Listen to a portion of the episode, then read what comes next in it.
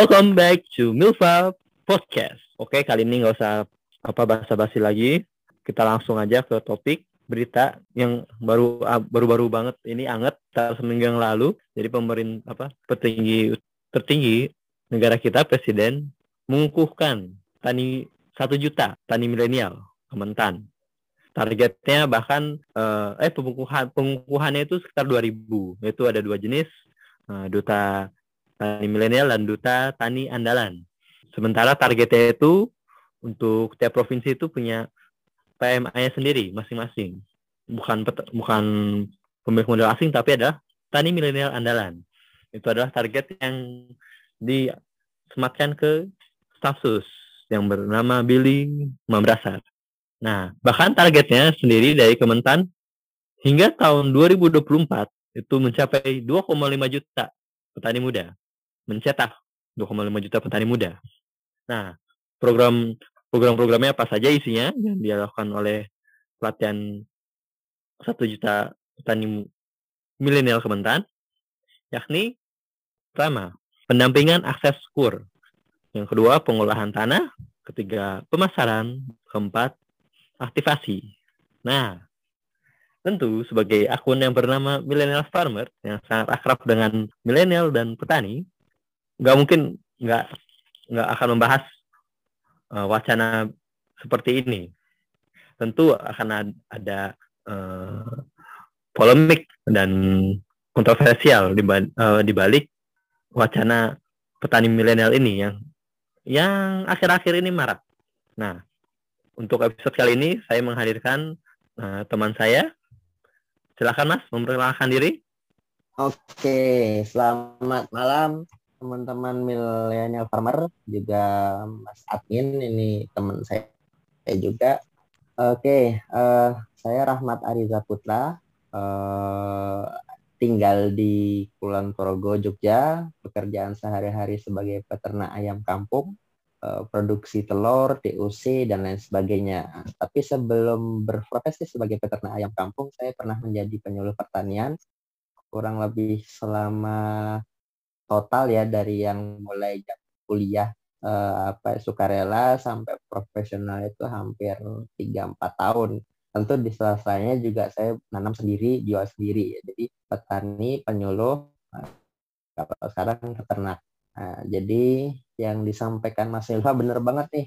Kalau kayaknya wow banget satu juta petani milenial dengan pendampingan kur, kemudian ada juga pengolahan tanah, pemasaran dan lain sebagainya. Nah, pertanyaannya nih, kok saya sendiri ya, saya bicara saya sendiri, nggak excited itu nyambut program satu juta petani milenial. Kok kayaknya, wah ini kayaknya ya cuma sekedar gimmick-gimmick gimana gitu. Yang menurut saya apa ya tidak menyentuh akar permasalahan. Karena sebenarnya ada banyak hal yang kemudian membuat petani dunia pertanian dan tentu dalamnya peternakan itu kurang menarik buat anak muda buat milenial. Saya juga milenial ya hitungannya ya, meskipun udah milenial mepet atas.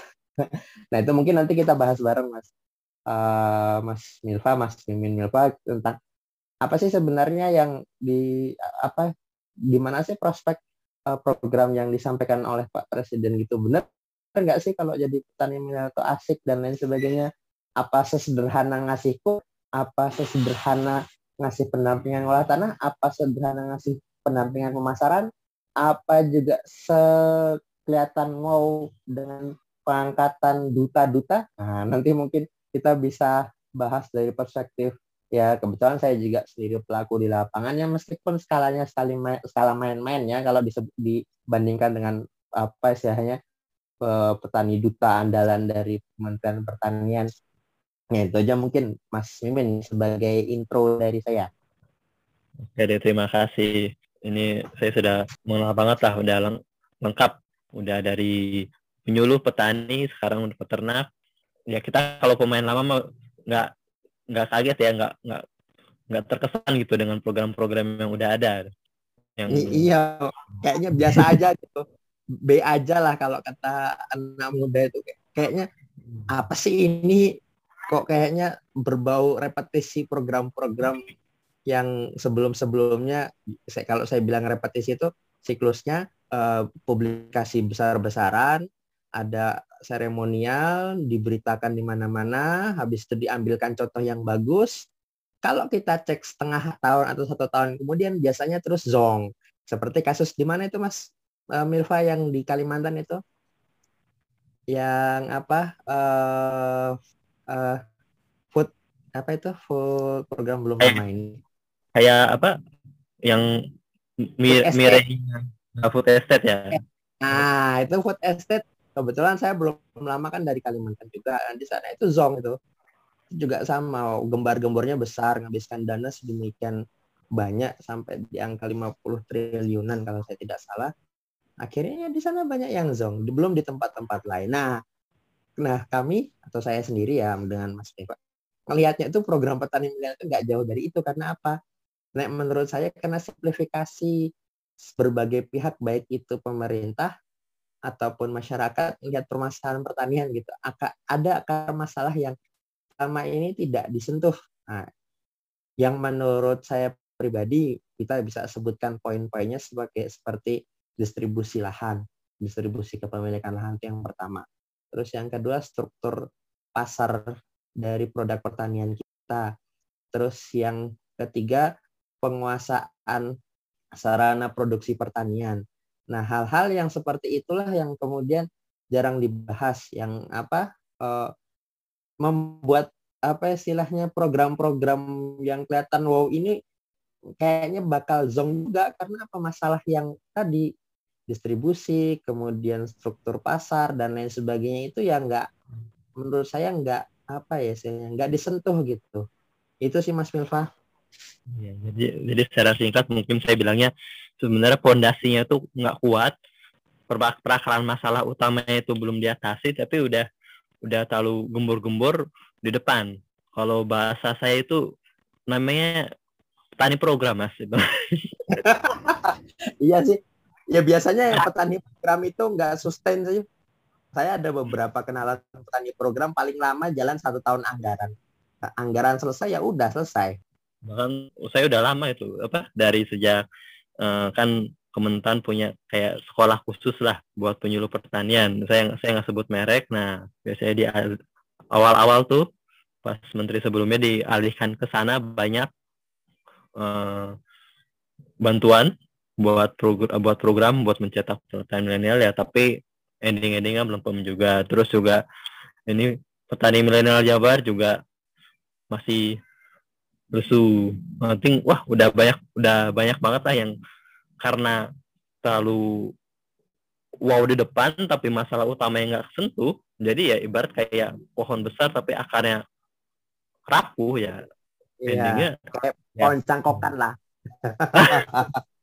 ya pohon oh, iya. akarnya akar tuh nggak akan serabut cuma di iya. atas aja nggak sampai Tipu, ke ya? dalam iya ya kalau bahasa petani gitu makanya mungkin kalau, teman-teman uh, penasaran nih, ih kok Milva nggak posting event petani milian apa petani milenial yang di yang di pidatokan sendiri sama presiden nih nggak kenapa nggak di post ya kita akan bahas bahas saat ini juga mungkin pas awal-awal kita uh, pertama kita mulai dulu ya kok kok tiba-tiba heboh sih? Ada banyak banget petani milenial petani milenial. Ini kira-kira kenapa mas? Hubungannya kebutuhan negara akan petani.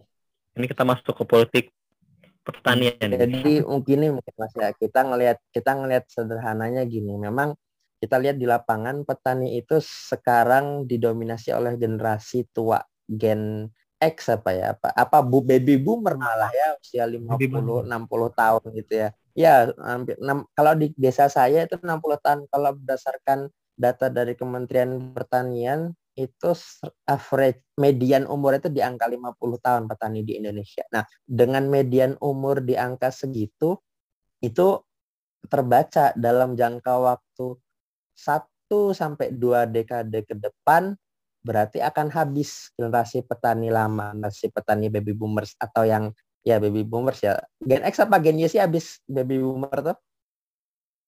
X dulu, Mas.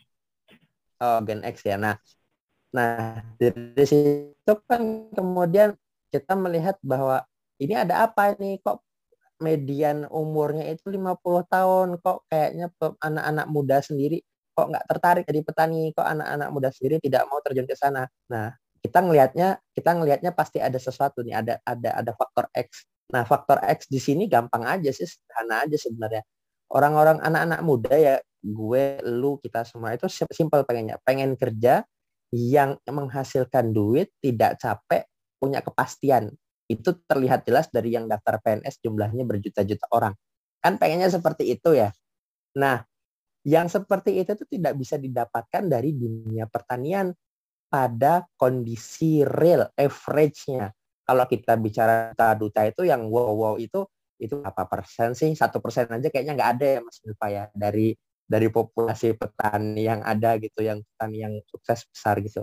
Nah dari sini tadi pendapatan yang tidak menjanjikan itu atau pendapatan yang tidak seberapa itu itu faktornya sederhana sebenarnya kalau kita breakdown dari faktor paling awal tadi kenapa anak muda tidak mau mengikuti orang tuanya. Uh, sebelum saya membahas breakdown sederhana ini, saya kasih sebuah apa istilahnya uh, ah ya sebuah apa ya istilahnya kondisi uh, realita yang cukup mengenaskan di kampus tempat mahasiswa belajar pertanian hampir tidak ada bisa dikatakan sedikit sekali dosen yang anaknya jadi petani. Padahal dosen itu ngajarkan pertanian. Padahal dosen itu mendorong mahasiswanya di pertanian. Kan anda tanya nih, dosennya sendiri nggak mau anaknya jadi petani. Atau di, kata anak di kampung-kampung ironinya, petani juga nggak mau anak-anaknya jadi petani. Ya karena tadi susah, nggak nyaman dan lain sebagainya. Kan kalau kalau seandainya kita bisa baca dari hal yang sederhana itu, berarti memang pertanian nggak menjanjikan. Nah, poinnya kenapa tidak menjanjikan? Menurut saya pribadi yang paling pertama kali membuat pertanian tidak menjanjikan adalah distribusi kepemilikan lahan yang sangat timpang. Itu Mas Milva. Ya buat petani gurem kayak saya atau Mas Milva cari lahan, punya lahan itu ada semacam mimpi yang bisa dikatakan mustahil ya. Maksudnya nggak affordable banget gitu, nggak bisa banget kita punya lahan, kita mandiri lahan gitu hampir tidak bisa kecuali kaum kaum apa istilahnya kapitalis desa lah kalau kata uh, apa orang-orang orang-orang uh, apa sosialis gitu ya boleh nah itu jadi sangat sedikit sekali uh, keadilan di bidang di, di sektor pemerataan kepemilikan lahan kita bisa lihat di desa-desa. Ada satu dua keluarga yang menguasai berhektar-hektar tanah. Sementara berdasarkan data dari BPS, rata-rata kepemilikan tanah petani kita, termasuk saya, mungkin Mas Nifa juga, itu kurang dari 1000 meter, kurang dari 2000 meter. Padahal kalau kita pengen simpel aja, pengen makmur, pengen dicukupi dari usaha budaya budidaya pertanian kita, ini penelitian tahun 70 nih ya, itu paling tidak harus punya dua hektar itu penelitian tahun 70 dengan harga bahan apa harga apa nilai inflasi dan lain sebagainya senilai itu waktu itu gitu. Dua hektar baru makmur. Nah sekarang kurang dari 1000 meter kurang 2000 2000 meter apanya yang mau makmur? Apanya yang mau sukses? Kalau dibilang kan kita bisa apa multi cropping kita bisa berbagai dengan teknologi dan lain sebagainya itu yang bisa mengusahakan teknologi dan lain sebagainya itu berapa persen sih? Kalau dari dasarnya saja distribusi lahan saja sudah tidak adil, katakanlah dengan sistem pertanian yang ada sekarang konvensional misalnya ya dengan pupuk dan lain sebagainya yang masih menggunakan pupuknya kita tidak bicara organik organik kan tidak bicara yang lain. Itu dengan kepemilikan lahan sesempit itu dapat apa? Nanam padi itu dapat berapa? Nanam sayur itu dapat berapa? Kan gitu Mas Milva.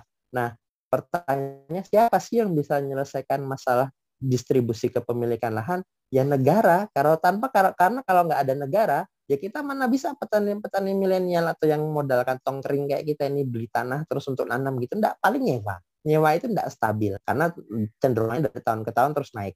Kalau beli tanah jelas di angka ratusan juta juga nggak mampu.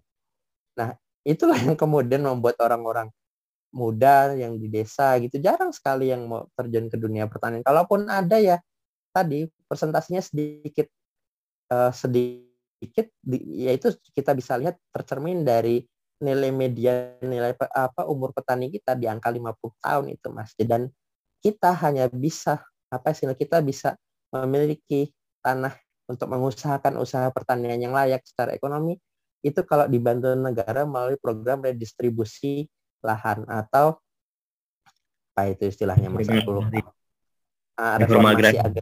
Reforma agraria program lama dari zaman Pak Karno atau tahun sampai undang-undangnya juga sudah disahkan tapi implementasinya sangat jauh dari pang, panggang dari api.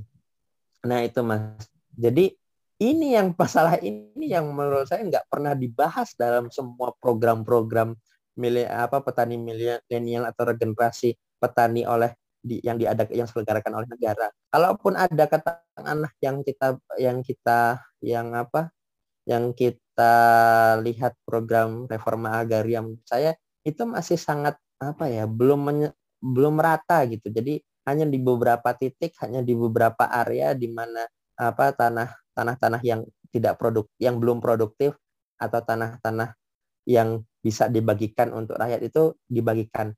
Yang ada sekarang ini, yang dominan sekarang ini satu dua institusi, satu dua nama diberikan hak guna lahan sedemikian luas nanti jadi industri sawit, industri karet dan lain sebagainya. Sementara petani-petani lokal, petani-petani kecilnya, petani-petani guremnya itu ya cuma dapat perintilan. Nah, kalau seperti ini, kalau kita bicara seperti ini, ya gimana petani mau maju? Karena Mas mau untung, mau dapat duit yang layak, mau mengusahakan teknologi modern kata anak sebagai seperti negara maju dengan mekanisasi dan sebenarnya. Karena untuk mekanisasi butuh lahan yang luas. Kalau lahan 1000 meter apanya yang mau dimekanisasi? Beli traktor satu aja nggak balik modal kalau cuma lahan segitu. Akhirnya kan sistem komunal. Dan lain sebagainya harus antri lama harus nunggu. Nanti mau apa waktunya semakin lama lagi untuk untuk menanam dan lain sebagainya. Itu masalah yang karena berawal dari lahan yang tidak terdistribusi secara baik dan merata. Nah kalau di desa-desa sendiri kepemilikan lahan sudah sempit sudah sedikit terus kemudian dari hasil nanam di lahan itu juga tidak menjanjikan, nanti kita bahas uh, faktor harga juga ya dari struktur pasar.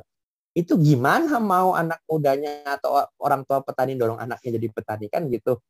Sederhananya gitu ya nggak mungkin anak orang tua mau menjerumuskan anaknya ke lubang buaya gitu kan. Udah dirinya sengsara terus anaknya sengsara lagi kan nggak mungkin karena apalah hanya terbatas apanya yang mau digarap apanya yang mau di diolah. Kalaupun ada nggak seberapa. Itu loh mas. Menurut saya masalah yang tidak pernah disentuh secara komprehensif oleh negara.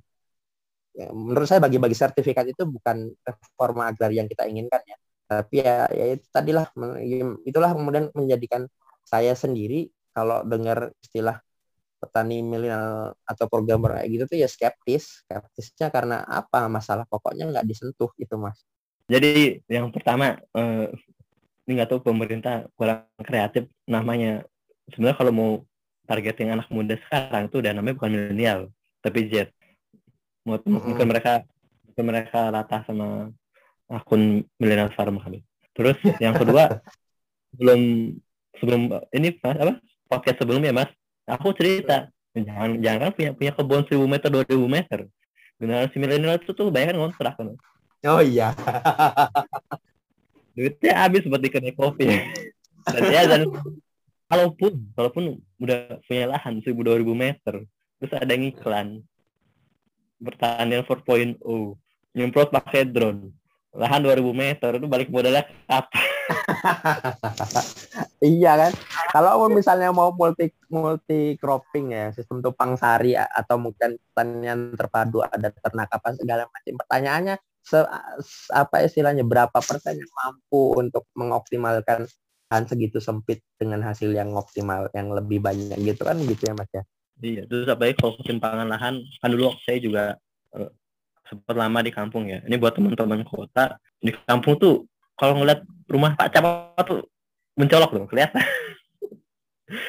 Atau petinggi apa orang-orang petinggi. Jadi uh, cukup ketimpangan itu kelihatan ketara antara tidak selain ketimpangan kepemilikan lahan ya juga uh, perputaran uang juga jadi ini menyangkut menyangkut juga sis apa sistem ekonomi di mana kita udah menyentuh namanya hypercapitalism. Nah, jadi hmm. ya putaran uang sebenarnya ya di orang-orang itu saja begitu. Ini ini sebenarnya juga agak uh, ya berkaitan lah. Dan juga ya selama ini skeptis saya adalah ya pejabat yang ingin mempertahankan kekuasaan ya. Ya cuma cuma nengok petani ya pas pas kotak suara doang. Betul Pak. Betul sih. Sama pas mau jadi capres yang jadi HKTI biasanya HKTI terus KTI nanti jadi perebutan orang-orang yang mau nyapres gitu karena strategis sih habis itu tinggal dah iya buat apa? Buat orang-orang politik praktis ya currency-nya atau mata uangnya itu suara doang. Jadi kesejahteraan terus apa namanya kepemilikan lahan hak-hak petani ya. Kayak bukan di pikiran bukan di agenda mereka itu. Kalau reformasi agar jalankan kepentingan mereka yang rusak. Uang mereka penguasa lahan banyak kok. Sebut saja Mr. P punya konsesi ratusan ribu hektar satu orang punya konsesi segitu buat apa coba hmm, Halo? Iya ya. Jadi sejak sejak perkebunan Belanda ya. Iya, dari dulu sih ini warisan war, warisan kolonial memang memang me, memang kita tuh sebenarnya kalau dari mental tuh nggak jauh-jauh dari kolonial persis plek hmm, dalam beberapa case lebih jahat bahkan dari pemerintah kolonial. Lanjut ke masalah yang lain mas, mungkin kita bahas yang tadi kan dari dari itu ya dari soal kepemilikan lahan gitu nggak pernah benar-benar ada program yang menyentuh redistribusi lah pemilikan lahan. Salah satu alasannya kenapa tidak dijalankan karena nanti merugikan kepentingan penyelenggara negara. Karena penyelenggara negara itu mereka dapat kapital untuk menjadi penyelenggara negara salah satunya dari kepemilikan lahan itu. Nah, ini sudah kejadian dari zaman Pak Karno meng, apa memperjuangkan UU apa eh, reformasi agraria itu ketika diimplementasikan di daerah nggak jalan karena cukong-cukong di daerah kolaborasi dengan pejabat nggak mau lahan-lahannya diredistribusi kalau mereka diredistribusi mereka nggak menguasai lahan mereka, kehilangan kekuasaan yang seperti itu juga sama. Nah, sekarang mau lebih gila lagi di daerah itu atau misalkan nggak usah jauh-jauh ya masih ya, yang yang apa uh, uh, di Jogja pas sebe, uh, sebelum sebelum apa sebelum pembangunan bandara itu terjadi alih kepemilikan lahan besar-besar dari petani yang bingung mau cari uang gimana terus ada orang datang bawa duit banyak beli tanahnya untuk apa istilahnya properti-properti ya itulah yang kayak gitu itu akan terus terjadi kalau negara tidak turun tangan secara serius. Nah, kami sendiri atau saya sendiri nggak akan tertarik soal program yang semacam itu kalau negara tidak nyentuh ini gitu loh mas.